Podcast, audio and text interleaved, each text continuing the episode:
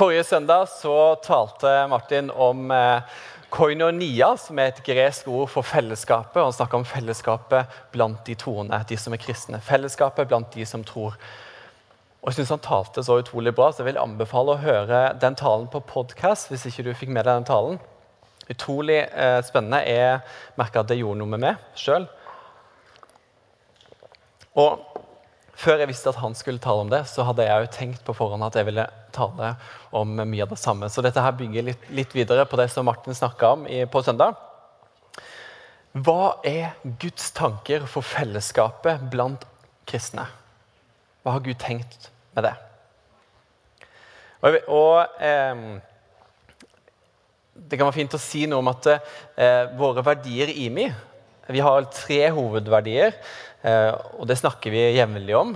Eh, og det er Guds nærvær, som handler om relasjonen vår til Gud. Så er det eh, det å gjøre Guds gode tilgjengelig for andre mennesker som ikke er en del av menigheten. de som ikke tror ennå. Og så er det òg Guds familie, relasjonen oss imellom. Oss som hører til i, i, det kristne fellesskapet. Så Det er altså det jeg skal snakke om i dag. og Vi har gjort, satt dette her inn i en veldig sånn nydelig geometrisk trekant.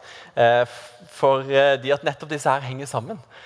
Disse her står i relasjon til hverandre.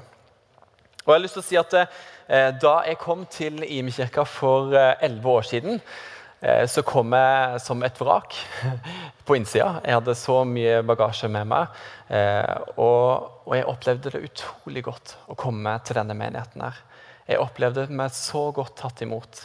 Her fikk jeg være meg sjøl, her fikk gå en prosess, være underveis, og jeg opplevde virkelig at dette fellesskapet var et helbredende fellesskap som satt mitt liv i frihet på et så dypt plan. Og Det er så utrolig takknemlig for.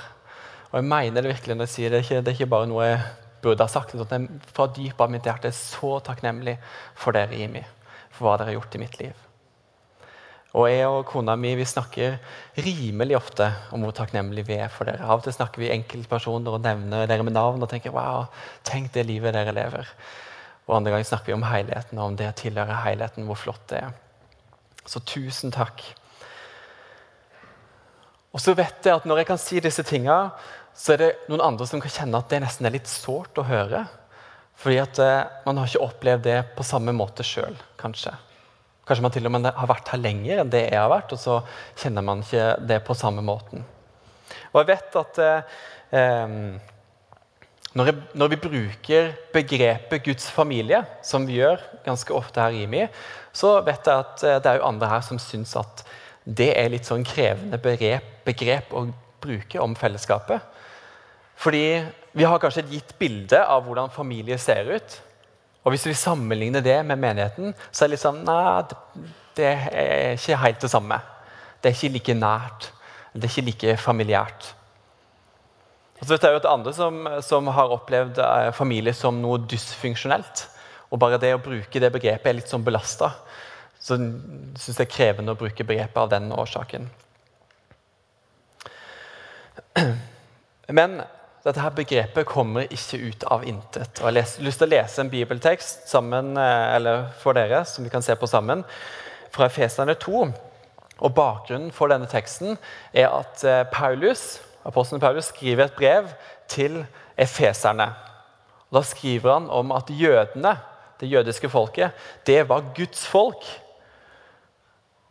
Og så var efeserne de hørte ikke til der, de var utenfor. De var det som man kalte for hedninger. Men hele tida hadde Gud en plan for å nå alle mennesker. Hør her, fra vers 13. Men nå, i Kristus Jesus, er dere som var langt borte, kommet nær pga. Kristi blod. For han er vår fred, han som gjorde de to til ett og rev ned den muren som skilte fiendskapet. Ved sin kropp har han oppheva loven med dens bud og forskrifter. Slik stifta han fred da han av de to skapte ett nytt menneske i seg. I én kropp forsonte han dem begge med Gud da han døde på korset, og slik drepte fiendskapet.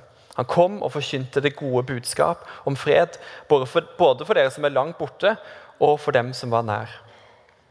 Gjennom ham har både vi og dere adgang til Far i én ånd.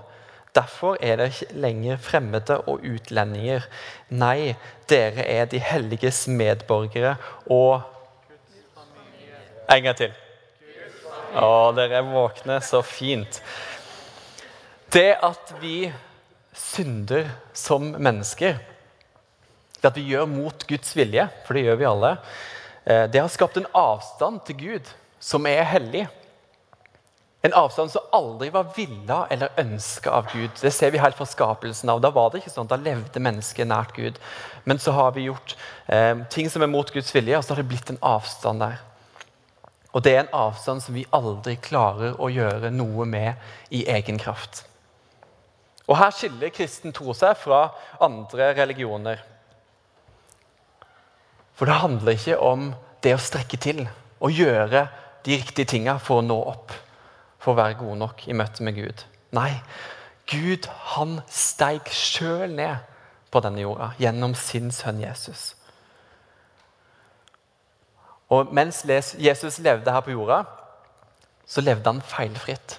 Sånn at når han seinere i livet skulle dø på et kors, så tok han på seg alt det gale vi har gjort, all vår synd, alle de tinga vi har gjort galt. Det tok han på seg på kroppen sin, og det døde sammen med Jesus på korset. Og På den måten så døde òg avstanden til Gud.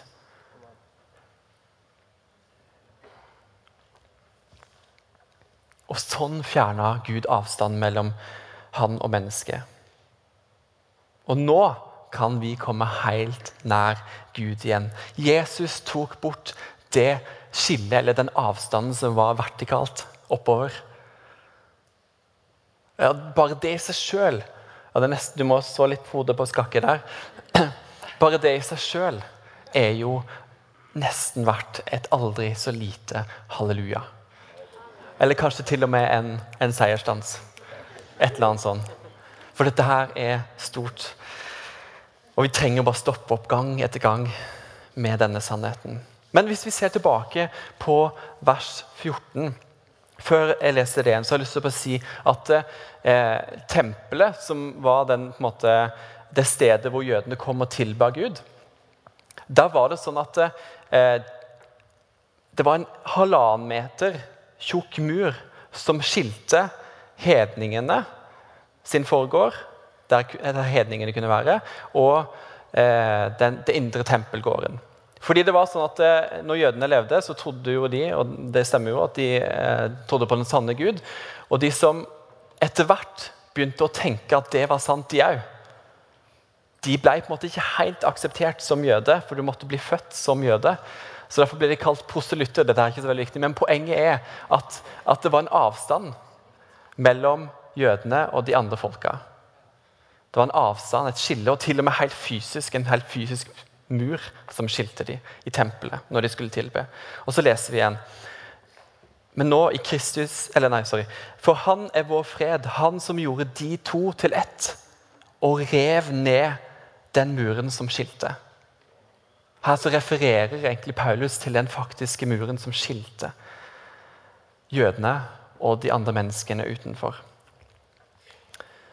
Så Jesus, det Jesus gjorde på korset, Gjennom det Jesus gjorde på korset, så tok han bort avstanden som var oppover til Gud. Men hold dere fast, han tok bort avstanden som skilte menneskene. Og folkeslagene. Han tok bort det horisontale skillet. Det skillet som var bortover. Så nå var det skillet borte. Og nå kan alle som tror på Gud, få kalle seg Guds familie. Holdt på å si Jesu blod er tykkere enn vann.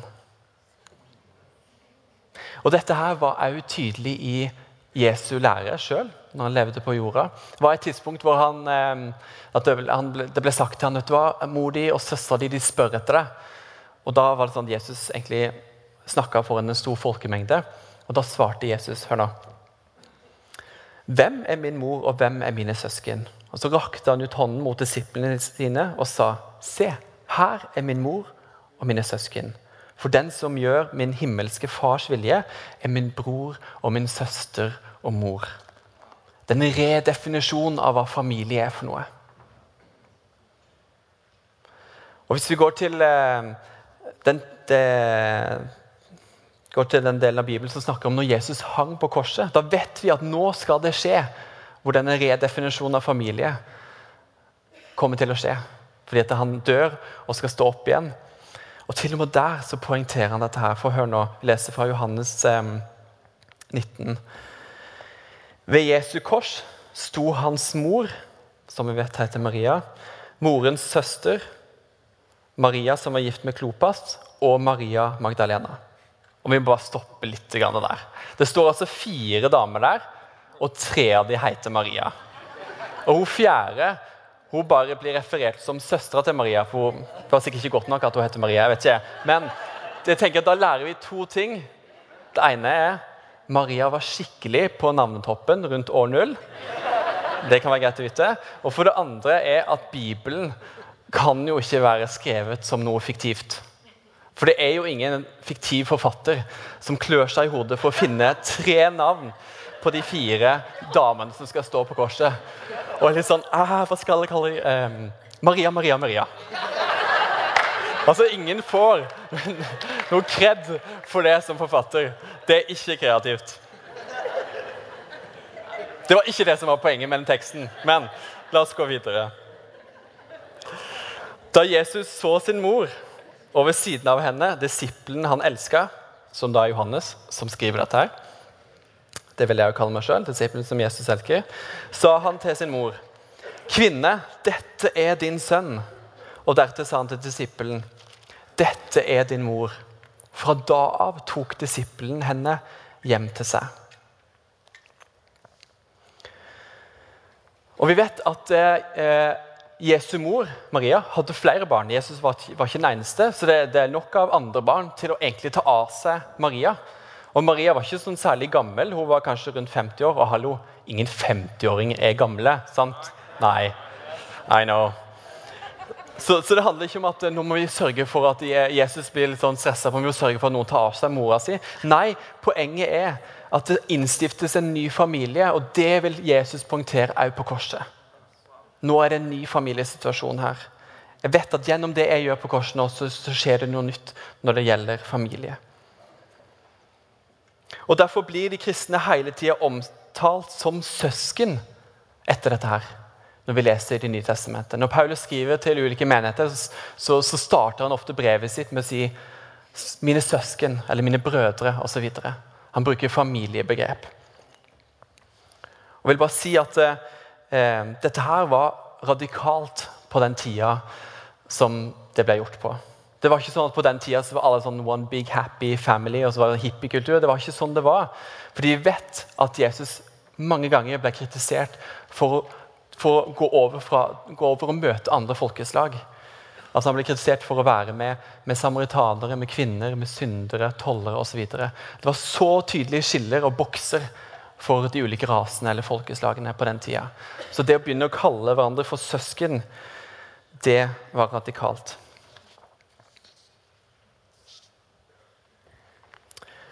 Og Dette her utvider min forståelse av korset. Fordi jeg ofte tenkt at det handler bare om relasjonen med Gud, at Gud gjenoppretter relasjonen vår til Han. Men det er faktisk sånn at Gud gjennom korset òg gjenoppretter relasjonen til andre mennesker.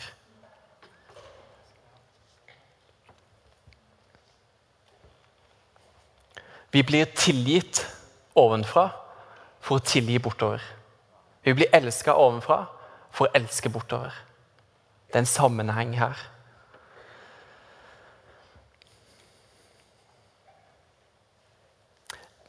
Leser vi i 2. Eh, Korinterne 5,18, så snakkes det om at eh, vi har blitt forsont med Gud pga. korset.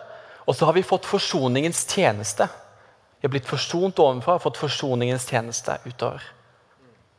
Det er en sammenheng. Du ser det gjennom hele Bibelen. Det henger sammen. Hva er det jeg prøver å si med alt dette her? Det å tro på det Jesus har gjort for oss på korset, det å tilhøre Gud og det å være en kristen, det betyr at du har kommet inn i en ny familie. Guds familie.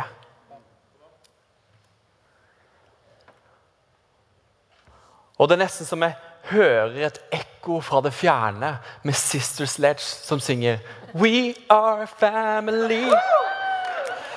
Sant? Ja. Jeg hadde nesten lyst til å bare tenke at det var et stort sånn gospelkor som bare uh, Men vi skal ikke gå der. Men, um, og kanskje, kanskje, en, uh, kanskje, du får en gøyal følelse når jeg begynner å synge sånn. Men dette her handler ikke om følelse. Det er et faktum. Sånn er det bare. Tror du på dette, her, så har du blitt en del av Guds familie. Og det er en sannhet som trumfer dine egne erfaringer. Fordi, tro meg Guds familie er ikke feilfrie. Vi er ikke feilfrie. Ingen heller andre familier er det. Og du finner lett ting du skulle ønske var annerledes her. Du kan velge å gi det fokus og rom, eller så kan du takke Gud for at det fortsatt finnes nok nåde og tilgivelse, sånn at vi fortsatt kan tilhøre hverandre likevel.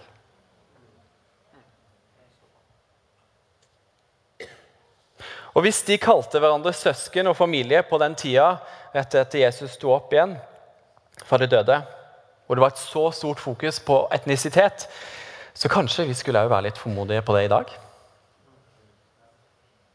Skal vi begynne å kalle hverandre det mer? Søsken, bror, søster? Høres ut som vi er en sånn munkeorden eller noe sånt. Skal vi begynne å tenke at vi er det, begynne å tro at det er sant, og leve som om det faktisk er sant? Holdt på å si 'bli det du allerede er'.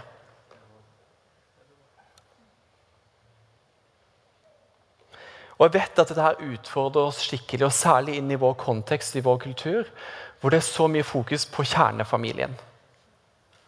Det er så mye fokus på, på den enheten, kjernefamilien. Og for all del måtte vi bygge sterke og solide kjernefamilier. Heie på det.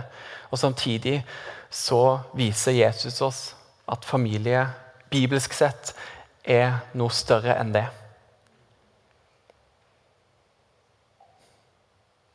Og Jeg har lyst til å bare be Helligånd komme og vise oss hva dette her vil si for noe. Fordi vi trenger hjelp til det. Dette er så mind-blowing. Vi trenger hjelp til å forstå hva dette her betyr. Både for hjertene våre, for hodene våre og for hendene våre. Både for hvordan vi tenker om det, hva vi kjenner i dypet av oss, og hvordan vi lever det ut.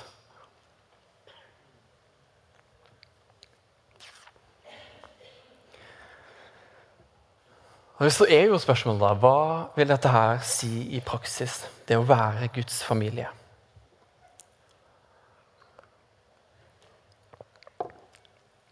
Jeg har lyst til å se litt på Apostelens gjerning i kapittel 2, vers 42-49. og Dette er en tekst som vi er egentlig veldig glad i. Vi bruker den ofte. Og når vi var på stabsdager, som vi hadde nå i den uka som var, så brukte vi også tid med den teksten og leste den alle sammen. Og så kom vi sammen og delte refleksjoner rundt hva dette her betydde for noe. For Bibelen den er gitt til et fellesskap, ikke til én person. La meg lese det som står der. De holdt seg trofast til apostlenes lære og fellesskapet, til brødsbrytelsen og bønnene. Hver og en ble grepet av ærefrykt, og mange under og tegn ble gjort av apostlene. Alle de troende holdt sammen og hadde alt felles. De solgte eiendommene sine og det de ellers eide, og delte ut til alle ettersom hver enkelt trengte det. Hver dag holdt de sammen, trofast sammen på tempelplassen, og hjemmene brøt de brødet og spiste sammen med oppriktig og hjertelig glede. De sang og lovpriste Gud og var godt likt av hele folket, og hver dag la Herren til nye som lot seg frelse. Og Dette er sagt i en kontekst etter at Jesus har dødd på korset, stått opp igjen, reist til himmelen, og nå har Den hellige ånd kommet og fulgt alle de som tror på Han. Så nå er det Hellige Ånd som, som, preger og leder fellesskapet blant de kristne. Og sånn ser det ut. Jeg vil si svært attraktivt. Spørsmålet er hvordan ser det ut for oss i dag? Og noe, noe, av det som var litt fascinerende når vi leste denne bibelteksten sammen med staben, så var opplevelsen når vi delte refleksjonen etterpå, så var det mer sånn at vi, vi stilte spørsmål. Altså, Tenk at de gjorde dette. Hva har det å si for oss i dag? Det var ikke sånn at vi kom med konklusjonen om at dette her er de store tankene, og sånt, men det var en sånn si, ydmykhet overfor denne her teksten. her. Den, denne her sier noe så verdifullt om fellesskapet, og dette lengter vi etter. Jeg har likevel lyst til å, å poengtere to ting når, når, vi ser på denne teksten. her. Og Det første handler om kollektivisme. Når, dere, når vi ser på, Hvis jeg bare hanker ut noen begrep i denne korte bibelteksten, her, så ser vi de, fellesskapet, hver og en, alle, holdt sammen, felles, de, de, alle, hver enkelt, de sammen, de sammen, de. Så kort avsnitt, og så mye sier det om det kollektive og som ett kollektiv, som én gjeng. Som én familie. Og Det sies at vi lever i en individualistisk kultur. Jeg snakka litt med Marit, som har vært, eh, bodd i eh, Thailand og Laos i mange mange år. og Nå har hun kommet tilbake til Norge, skal være her i ni måneder før hun reiser tilbake. Så glad for at hun er her. Eh, og Hun sier at den største forskjellen når hun kommer til Norge, er at det er en langt mer individualistisk kultur. Det er så annerledes enn sånn som det er i Thailand og Laos. For der tenker de hele tida kollektivt, sammen som et fellesskap. Det er kanskje ikke rart at det sies at vår tids største folkesykdom er ensomhet. Og typisk Gud å ha løsninger på vår tids største utfordringer.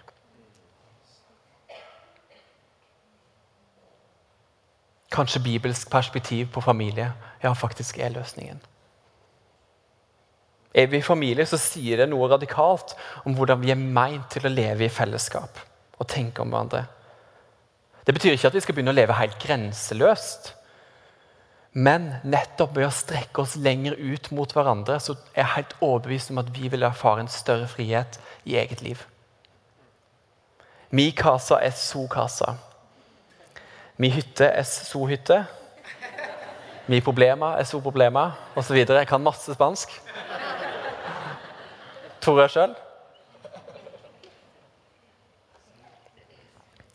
Vi kunne delt så mange historier om hvordan dette her allerede leves ut i fellesskapet. her. Jeg har jo delt min egen historie, og det er så mange historier som florerer blant oss. Og Samtidig så er det noe i meg, kanskje er det nå, mest for min egen del, som sier å, jeg tror samtidig Gud at du har meg for oss Jeg tror samtidig det er mer si, land å innta, eller mer, mer område å forstå om hvordan dette her ser ut.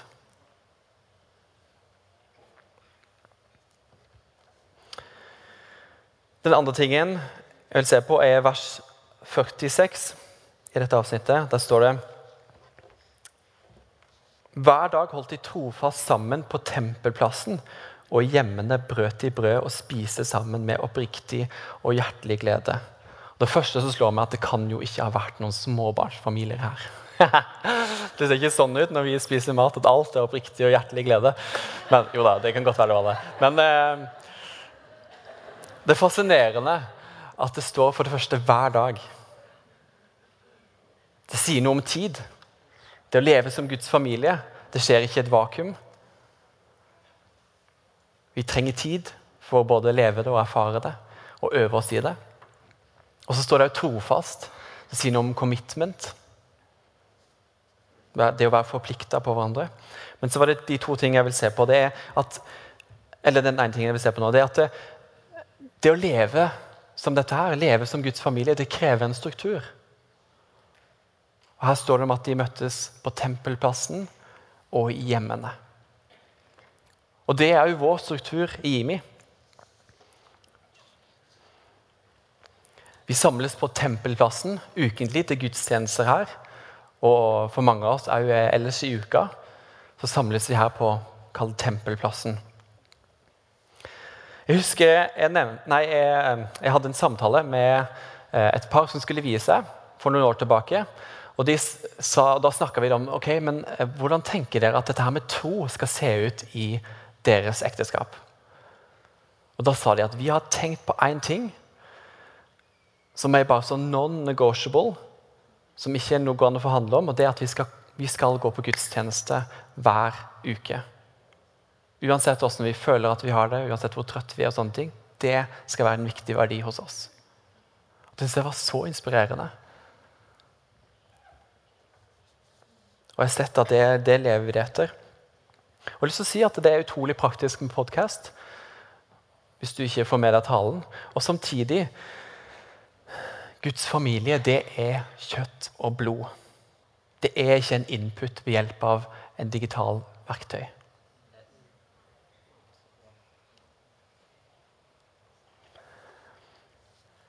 Når det gjelder huskirkene hjem, når det gjelder det å samles i hjemmene, så har vi huskirke her i Vi Vi har rundt 40-45 eh, ulike huskirker i Stor-Stavanger som som veldig gjerne ønsker å eh, inkludere du inn dersom du vil koble deg på det. Fordi vi trenger å tilhøre et mindre fellesskap i det store fellesskapet. Vi trenger å tilhøre noen som er forplikta på det, som vet åssen du har det. Noen få kan ikke leve tett på alle, men alle kan likevel leve tett på noen.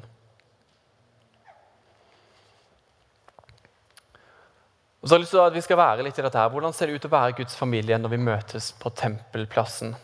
Når vi møtes, treffes til gudstjenester her i IMI, eller andre ting som skjer i IMI. For det første, selv om vi er mange i IMI, så er det ikke sånn at familie begrenses ut ifra antall da hadde vi hatt et problem i himmelen.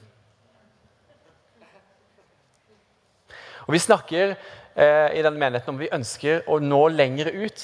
Gå lenger ut, ta noen steg lenger ut for at mennesker skal få erfare og virkelig se at Gud er god, at han er for dem, at han har et utrolig spennende liv for dem. Og Det skal vi virkelig snakke mye om og holde fast på og øves i.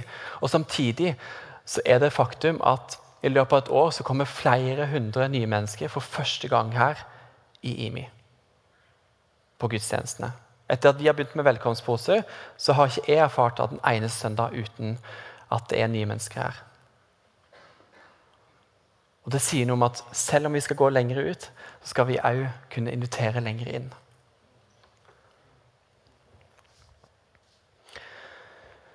Det gjør meg så takknemlig at vi har så mange nye mennesker. Og Som menighet så vil jeg at vi skal forplikte oss på at dette dette skal være et godt sted å tilhøre. Et godt sted å komme til, både som ny og som en gjenganger. Denne tempelplassen her skal reflektere at vi tror om oss sjøl at vi er Guds familie. Og Derfor feirer vi i dag at det er oppstart av Heiteam, som kanskje en del av dere møtte når dere kom inn dørene. De skal hjelpe oss med å skape denne kulturen i fellesskapet vårt. Kan ikke alle de som er med i et high-team, bare reise seg opp kjapt? Så bra. Vi strekker hendene ut mot dem, og så ber jeg kom Hellige Ånd og fyll dem opp med din ånd og kraft. Takk for at du vil gi dem alt det de trenger for å lede an i dette her og være et forbilde for oss i menigheten. Velsign dem med alt det gode du har. I Jesu navn. Amen. Vi feirer det, men det handler ikke om et high-team. Det handler ikke om de noen få. Det handler om oss alle.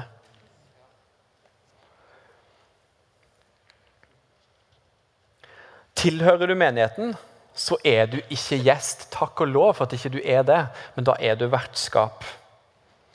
Og Når noen banker på døra vår hjemme, så går vi til døra, åpner opp og tar imot. Vi sikrer at de sitter godt, at de har alt de trenger, ikke kjenner seg awkward i stua vår osv. Til og med til tross for at vi egentlig var litt trøtte og ikke i så godt humør osv. Alle mobiliserer litt ekstra når vi får besøk på huset vårt. Kanskje det òg kan gjelde Jimmy. Jeg vil si det sånn at Alle de som tilhører denne menigheten, de er med i Heiteamet. Jeg traff eh, For et år siden så traff jeg ei dame som vi snakka litt om hvor viktig det var å ta imot, godt imot nye som kom til menigheten vår. Og så sa hun at vet du hva, jeg syns det, sånn, det, er litt utfordrende, for jeg kjenner liksom at jeg ikke har helt mandat til å gjøre det.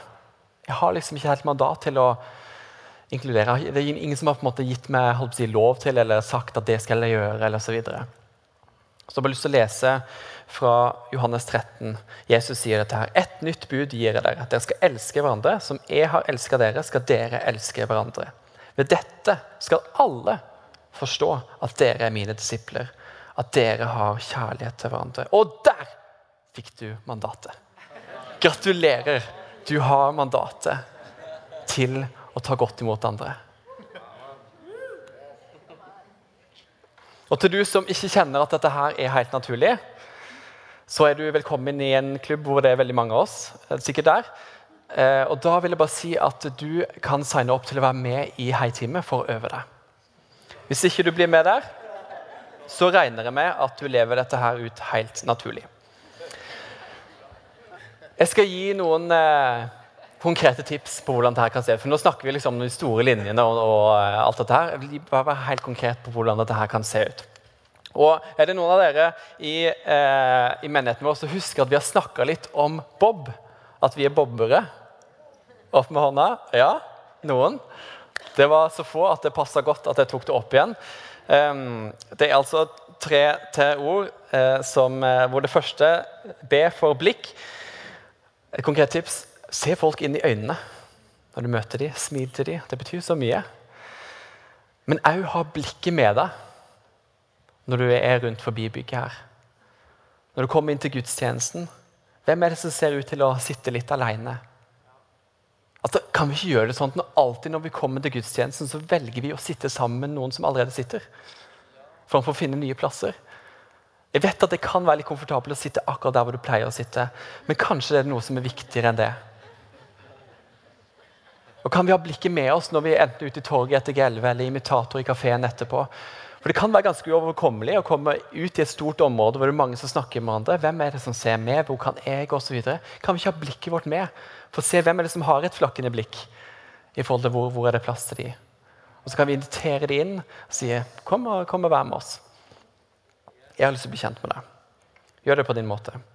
Men det er jo alltid en ledig stol i vårt fellesskap. Det neste ordet er O for Eller neste bokstaven er O for ord. Og I vår menighet ønsker vi at vi alltid snakker hverandre opp. Vi ønsker å ha en anerkjennende kultur. Men bruk òg ordene dine til å ta nettopp kontakt med andre mennesker. Det oppleves så godt. Tredje bokstaven, B, for berøring. Og det er liksom, I etterkant av metoo så er det litt sånn belasta ord. Men, men eh, vi, må oss, vi, må ikke bli redde for å vise kjærlighet til hverandre på en naturlig måte måte som òg har med det fysiske å gjøre. Vise omsorg og kjærlighet på den måten. Det oppleves som et så varmt fellesskap når vi tør å nærme oss på den måten at vi av og til legger hånda på skuldra til folk eller gir en klem til hverandre. eller hva det måtte være.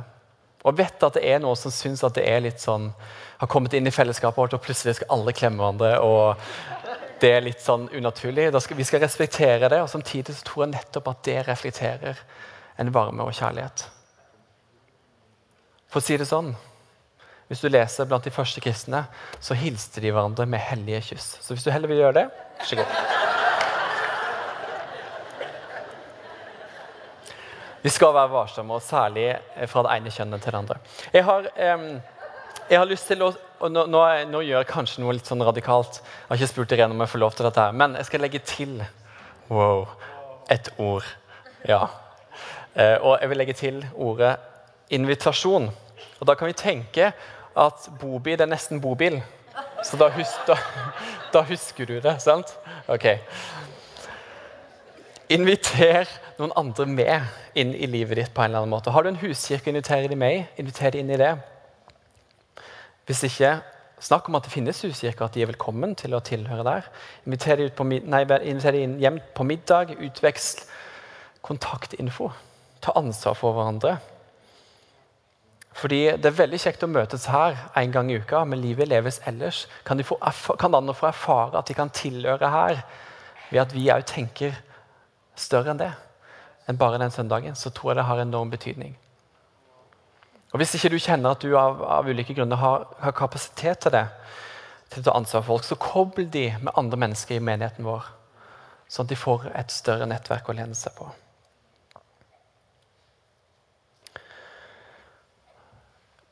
Vi drømmer så mye og lengter etter at denne byen her virkelig skal bli kjent med Gud. Fordi vi tror at Gud har så mye godt for oss. Vi tror han har et evig liv for dem. Han vil sette mennesker i frihet. Og det er faktisk så, Vi drømmer om det så mye at vi snakker om at vi, vi lengter etter vekkelse. At folk skal bli vekka opp til å skjønne hvem Gud egentlig er.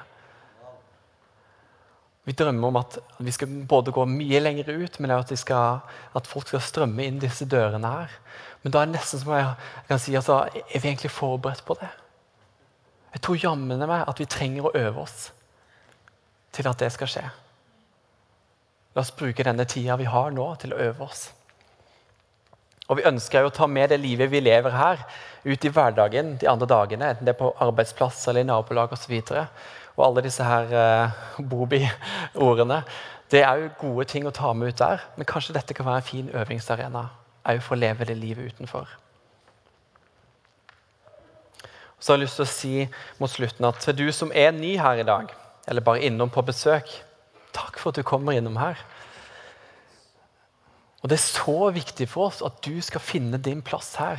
At vi måtte snakke om det både nå i dag og sikkert mange andre ganger.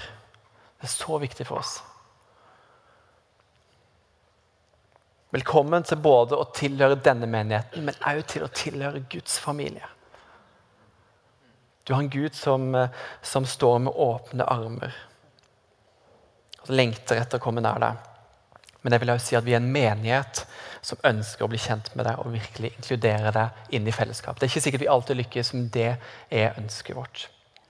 Her er det alltid en ledig stol. Kan vi ikke ta oss og reise oss opp?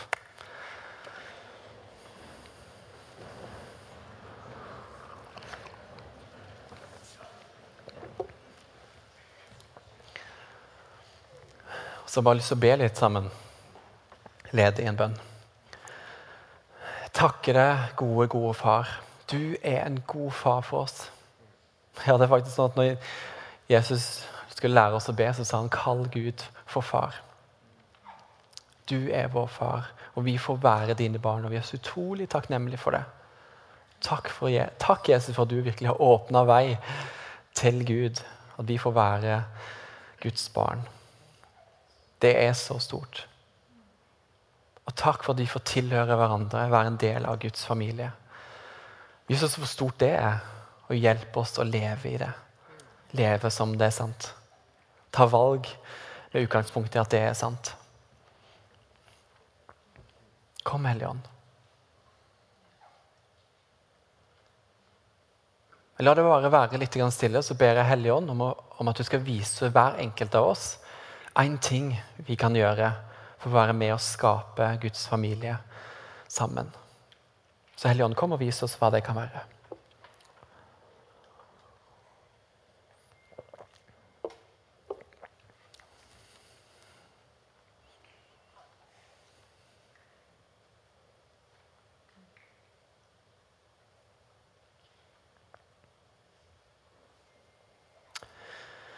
Takker deg, gode far, for at du aldri la være og gir oss alt det vi trenger, når du samtidig kaller oss til noe. Så takk for at når du utfordrer oss, så gir du oss alt det vi trenger. Og takk for at dette her ikke er meint til å være strev. Du med din hellige ånd og kraft gir oss det vi trenger. Vi kan stole på du. I Jesu navn. Amen.